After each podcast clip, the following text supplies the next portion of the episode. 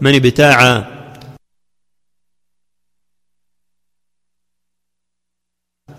حدثنا إسحاق بن إبراهيم أخبرنا عبد الله بن الحارث المخزومي حدثنا الضحاك بن عثمان عن بكير بن عبد الله بن الأشج عن سليمان بن يسار عن أبي هريرة أنه قال لمروان أحللت بيع الربا؟ فقال مروان ما فعلت؟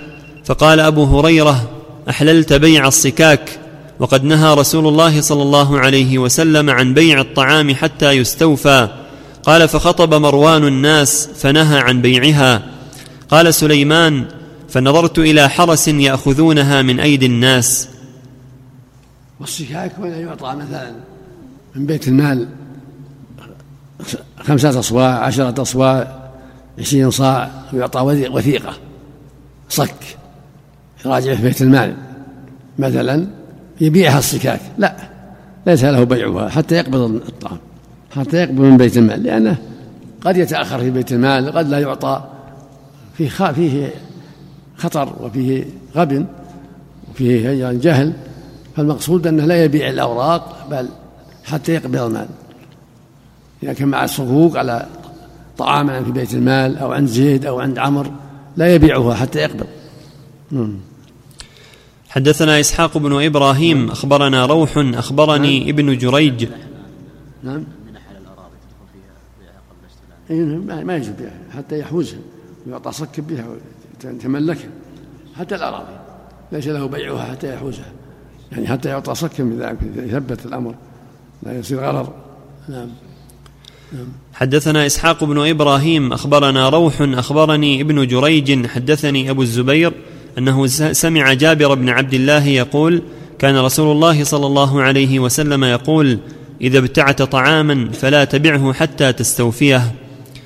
حدثني أبو الطاهر أحمد بن عمرو بن سرح أخبرنا ابن وهب حدثني ابن جريج أن أبا الزبير أخبره قال سمعت جابر بن عبد الله يقول نهى رسول الله صلى الله عليه وسلم عن بيع الصبرة من التمر لا تعلم مكيلتها بالكيل المسمى من التمر. يعني الربا لابد من تماثل. الصبرة من التمر لا تباع بشيء مسمى بل تباع بالنقود. لأن التمر بالتمر مثلا مثل وهكذا البر بالبر مثلا مثل فإذا كان صبرة لا تباع بمكين من التمر. حتى يعلم أن أن أنها متماثلة.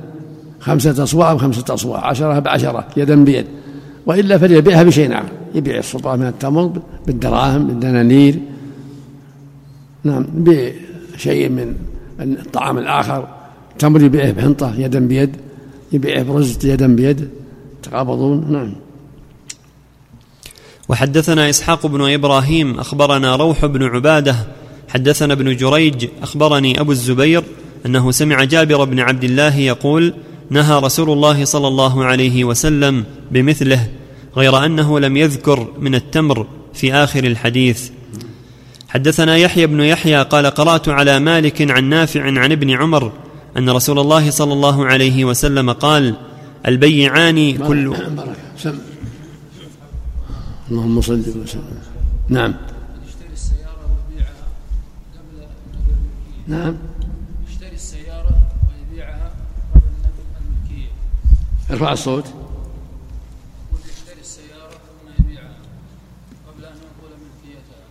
لا بد يقبضها قبضا تام ينقلها من معرض إلى محل آخر. يتم الملكية نعم. لأن الرسول قال نهانا أن تباع السلع حيث حتى يحوزها التجار إلى رحالها نعم. بسم الله الرحمن الرحيم. الحمد لله رب العالمين والصلاة والسلام على أشرف الأنبياء والمرسلين.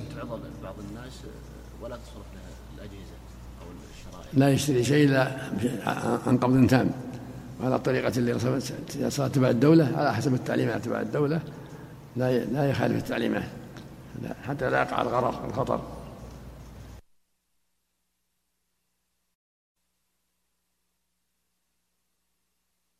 أما بعد فقال الإمام مسلم رحمه الله تعالى حدثنا يحيى بن يحيى. نعم.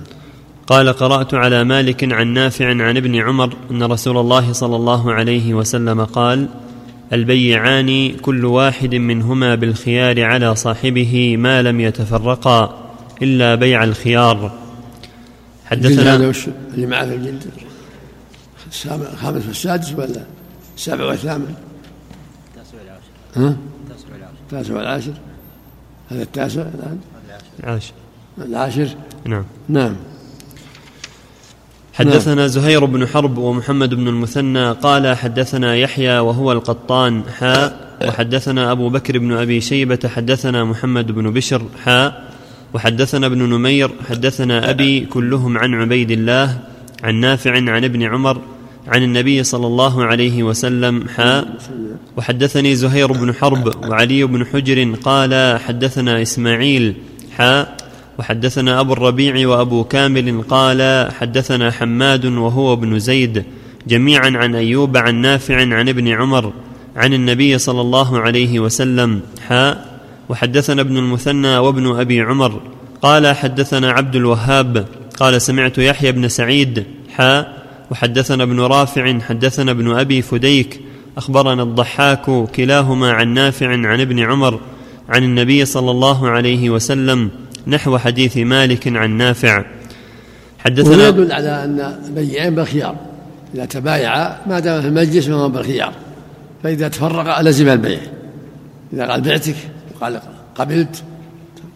ثم تفرق قام واحد منهم لزم البيع. إلا أن يكون بينهما شرط خيار. يوم يومين شهر لا بأس. المسلمون على شروطهم. وإلا فبالتفرق يلزم البيع. نعم.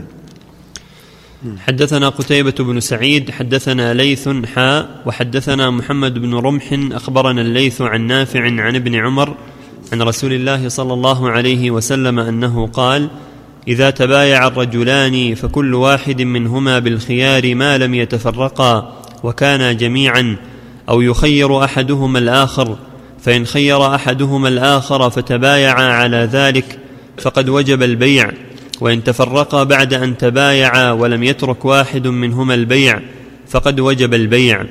معنى خير أحدهما خير أحدهما الآخر يعني قال لا ما بيننا خيار. الآن اختار. فإذا اتفق على لا خيار لزم ولو أنه في المجلس.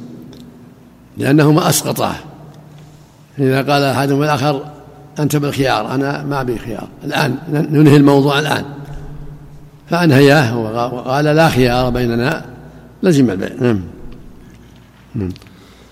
وحدثني زهير بن حرب وابن أبي عمر كلاهما عن سفيان قال زهير حدثنا سفيان بن عيينة عن ابن جريج قال أملى علي نافع أنه سمع عبد الله بن عمر يقول قال رسول الله صلى الله عليه وسلم إذا تبايع المتبايعان بالبيع فكل واحد منهما بالخيار من بيعه ما لم يتفرقا أو يكون بيعهما عن خيار فإذا كان بيعهما عن خيار فقد وجب.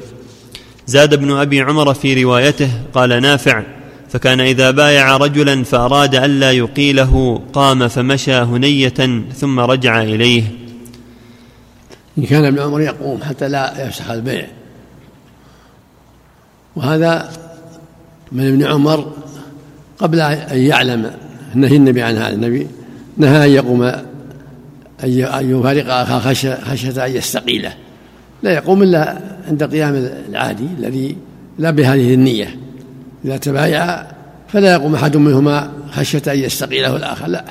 يقوم القيام الذي لا, لا بهذه النية. لقوله في الحديث الآخر لا يحل له يفارقه خشية أن يستقيله. وهذه الزيادة خفية على ابن عمر.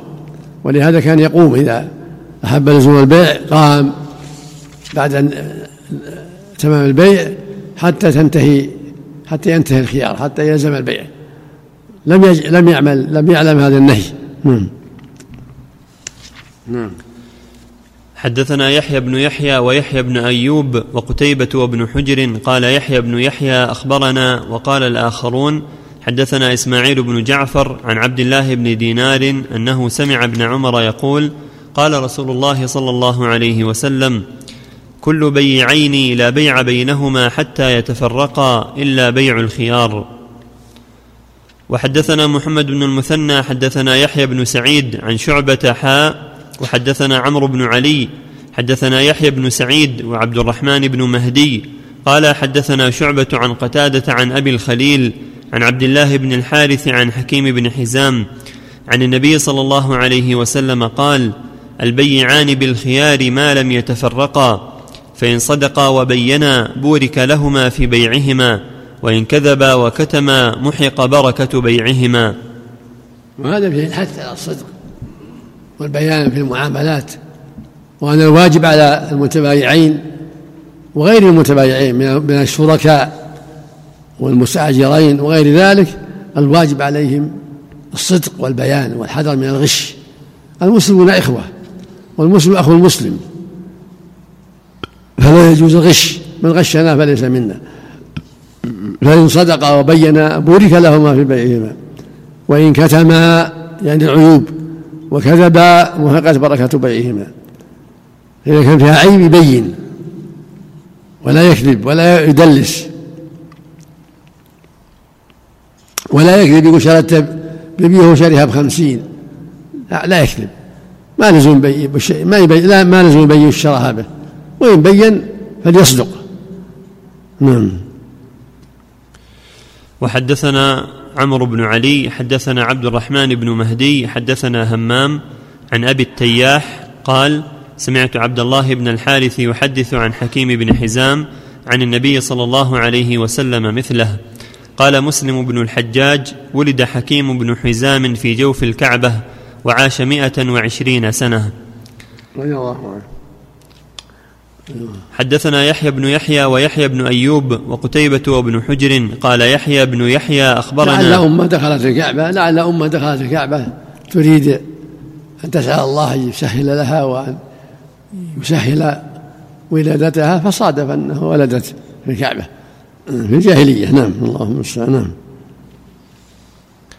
حدثنا يحيى بن يحيى ويحيى بن أيوب وقتيبة وابن حجر قال يحيى بن يحيى أخبرنا وقال الآخرون حدثنا إسماعيل بن جعفر عن عبد الله بن دينار أنه سمع ابن عمر يقول ذكر رجل لرسول الله صلى الله عليه وسلم أنه يخدع في البيوع فقال رسول الله صلى الله عليه وسلم من بايعت فقل لا خلابه فكان إذا بايع يقول لا خيابة. حدثنا أبو بكر بن أبي شيبة. يعني, لا يعني اتقوا الله لا تخدعوني لا خداع. قل لا خيابة لا خيابة لأن فيه لغة في لغة الشيء. بدل لا خلابة لا خلاية لأجل لغة ليست بالفصيحة والمقصود أن الواجب على المسلم ألا يخدع أخاه. إذا رأى منه ضعفا وقلة بصيرة فلا يخدعه. المسلم أخو المسلم ليس له أن يخون أخاه أو يخدع أخاه. نعم. حدثنا أبو بكر بن أبي شيبة حدثنا وكيع حدثنا سفيان حاء وحدثنا محمد بن المثنى حدثنا محمد بن جعفر حدثنا شعبة كلاهما عن عبد الله بن دينار بهذا الإسناد مثله وليس في حديثهما فكان إذا بايع يقول لا خلابه. حدثنا يحيى بن يحيى قال قرأت على مالك عن نافع عن ابن عمر أن رسول الله صلى الله عليه وسلم نهى عن بيع الثمر حتى يبدو صلاحها نهى البائع والمبتاع. نعم. حدثنا ابن نمير حدثنا أبي. وهذا إذا كانت تبقى. إذا باعها للبقاء فلا يجوز بيع الثمار حتى يبدو صلاحها. أما إذا باعها للجز للقطف في الحال لمصلحة العلف فلا بأس. لأن لا خطر في هذا. إذا باعه الزرع ليقصه يعني يجزه ويحسده علفا فلا حرج. حدثنا ابن نمير حدثنا أبي حدثنا عبيد الله عن نافع عن ابن عمر عن النبي صلى الله عليه وسلم بمثله. حدثنا علي بن حجر السعدي وزهير بن حرب قال حدثنا إسماعيل عن أيوب عن نافع عن ابن عمر أن رسول الله صلى الله عليه وسلم نهى عن بيع النخل حتى تزهو. وعن السنبل حتى يبيض ويأمن العاهة نهى البائع والمشتري. حدث حدثني زهير بن حرب حدثنا جرير عن يحيى بن سعيد عن نافع عن ابن عمر قال قال رسول الله صلى الله عليه وسلم لا تبتاع الثمر حتى يبدو صلاحها ويذهب عنها الآفة. وحدثنا محمد بن المثنى وابن أبي عمر. فإذا كان عنده نخل أو عنب لا يبيع حتى ينجح. إذا كان بيشتريه صاحبه حتى يبقى فلا يباع حتى يطيب.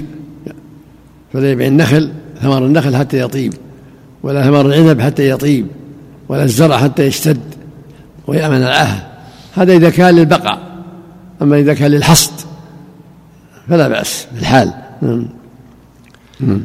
وحدثنا محمد بن المثنى وابن أبي عمر قال حدثنا عبد الوهاب عن يحيى بهذا الإسناد حتى يبدو صلاحه لم يذكر ما بعده. حدثنا ابن رافع حدثنا ابن أبي فديك أخبرنا الضحاك عن نافع عن ابن عمر عن النبي صلى الله عليه وسلم بمثل حديث عبد الوهاب. حدثنا سويد بن سعيد حدثنا حفص بن ميسرة حدثني موسى بن عقبة عن نافع عن ابن عمر عن النبي صلى الله عليه وسلم بمثل حديث مالك وعبيد الله. حدثنا يحيى بن يحيى ويحيى بن أيوب وقتيبة وابن حجر قال قال يحيى بن يحيى أخبرنا وقال الآخرون حدثنا إسماعيل وهو ابن جعفر عن عبد الله بن دينار أنه سمع ابن عمر قال قال رسول الله صلى الله عليه وسلم لا تبيع الثمر حتى يبدو صلاحه. وحدثنيه زهير بن حرب حدثنا عبد الرحمن عن سفيان حا وحدثنا ابن المثنى حدثنا محمد بن جعفر حدثنا شعبة كلاهما عن عبد الله بن دينار بهذا الإسناد وزاد في حديث شعبة فقيل لابن عمر ما صلاحه؟ قال تذهب عاهته.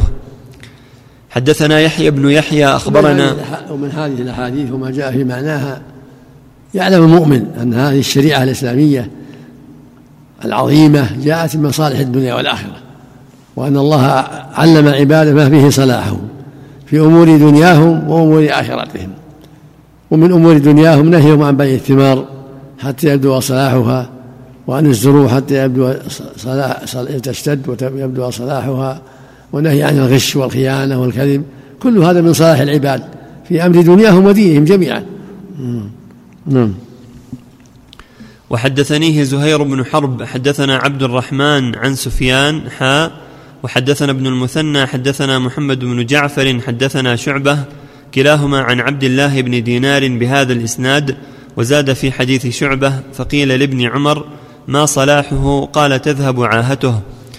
حدثنا يحيى بن يحيى أخبرنا أبو خيثمة عن أبي الزبير عن جابر حا وحدثنا أحمد بن يونس حدثنا زهير حدثنا أبو الزبير عن جابر قال نهى أو نهانا رسول الله صلى الله عليه وسلم عن بيع الثمر حتى يطيب. حدثنا أحمد بن عثمان النوفلي حدثنا أبو عاصم حا وحدثني محمد بن حاتم واللفظ له. حدثنا روح قال حدثنا زكرياء بن إسحاق حدثنا عمرو بن دينار أنه سمع جابر بن عبد الله يقول نهى رسول الله صلى الله عليه وسلم عن بيع الثمر حتى يبدو صلاحه. حدثنا محمد بن المثنى وابن بشار قال حدثنا محمد بن جعفر حدثنا شعبة عن عمرو بن مرة عن أبي البختري قال سألت ابن عباس عن بيع النخل فقال نهى رسول الله صلى الله عليه وسلم عن بيع النخل حتى يأكل منه أو يؤكل وحتى يوزن. قال فقلت ما يوزن؟ فقال رجل عنده حتى يحزر. حدثني أبو كريب محمد بن العلاء حدثنا محمد, محمد بن فضيل عن أبيه عن ابن أبي نعم عن أبي هريرة قال قال رسول الله صلى الله عليه وسلم لا تبتاع الثمار حتى يبدو صلاحها.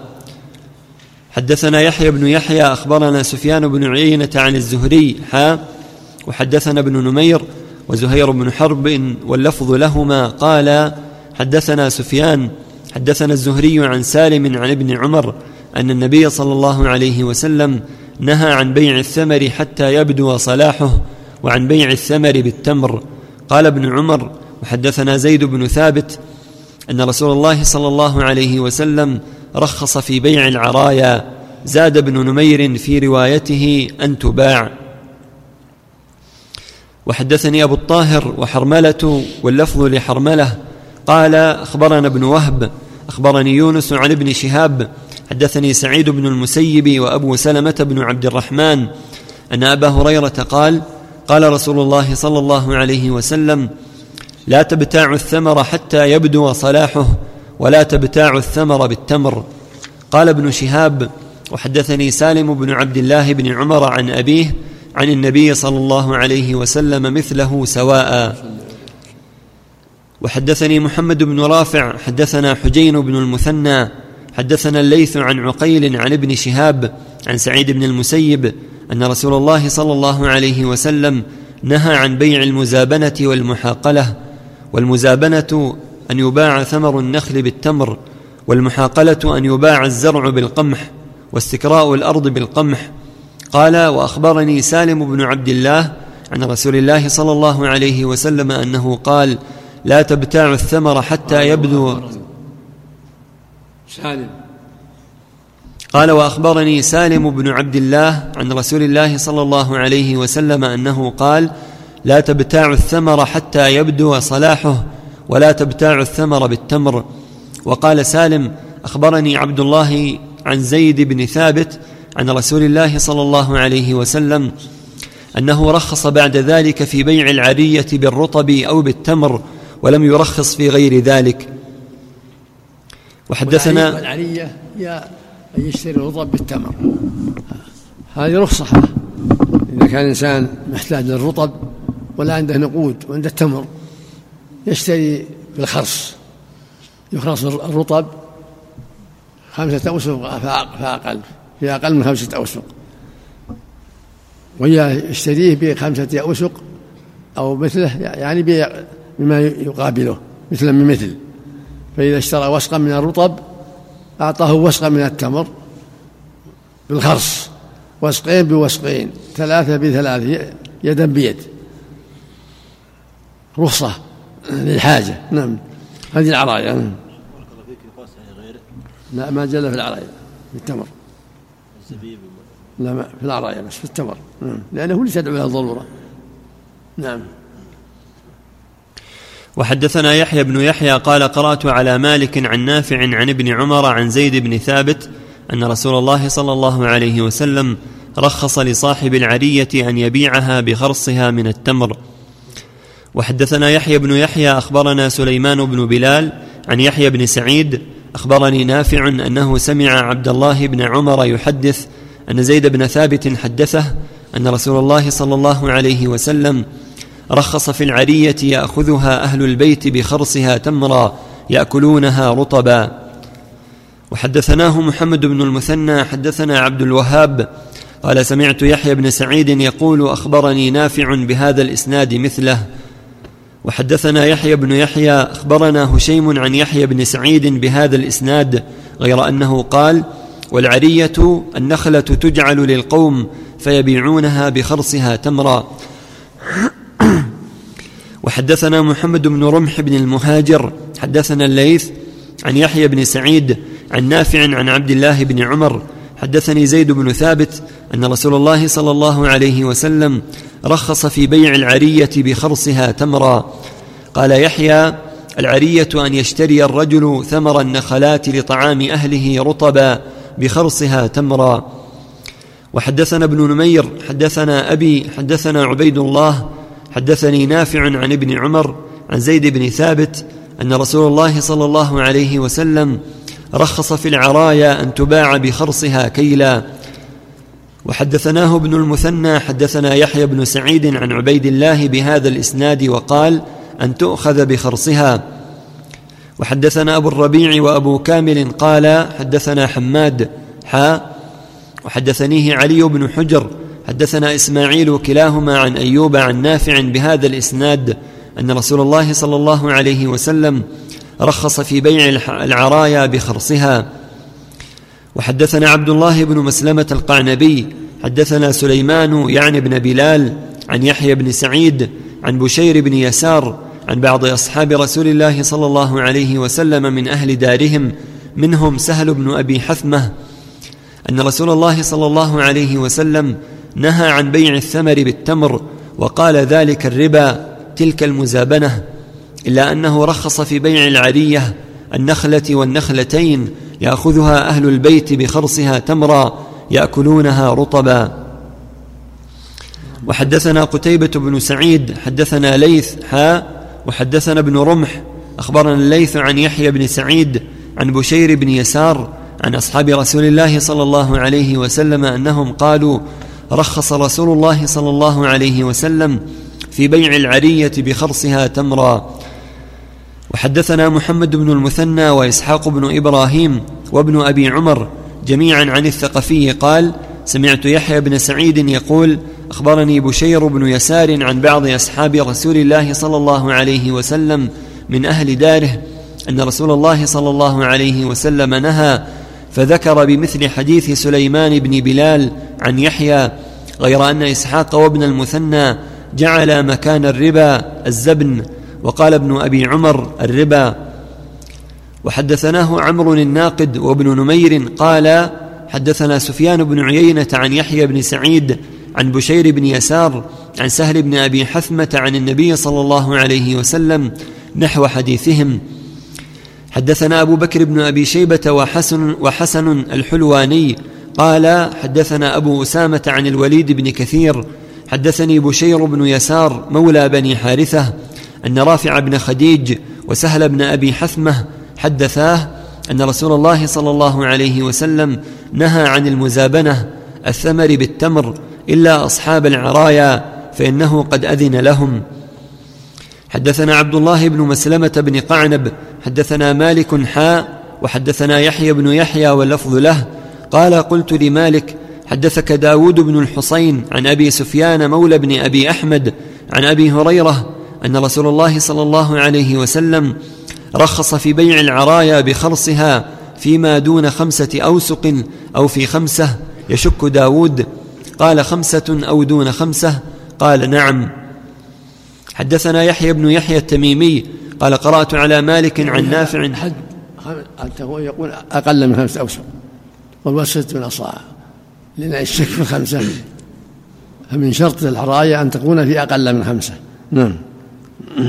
حدثنا يحيى بن يحيى التميمي قال قرأت على مالك عن نافع عن ابن عمر أن رسول الله صلى الله عليه وسلم نهى عن المزابنة والمزابنة بركة اللهم صل وسلم بيع النخل بالنخل نعم بيع النخل بالنخل ما هي بأس. بيع النخل بالنخل لا بأس.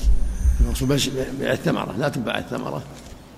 مفردة إلا بعد أن يطيب ثمر أن يطيب الثمر أما إذا باع النخل الثمر تباع. يكون للمشتري إذا كان قد لقح نعم. نعم. يعني أبز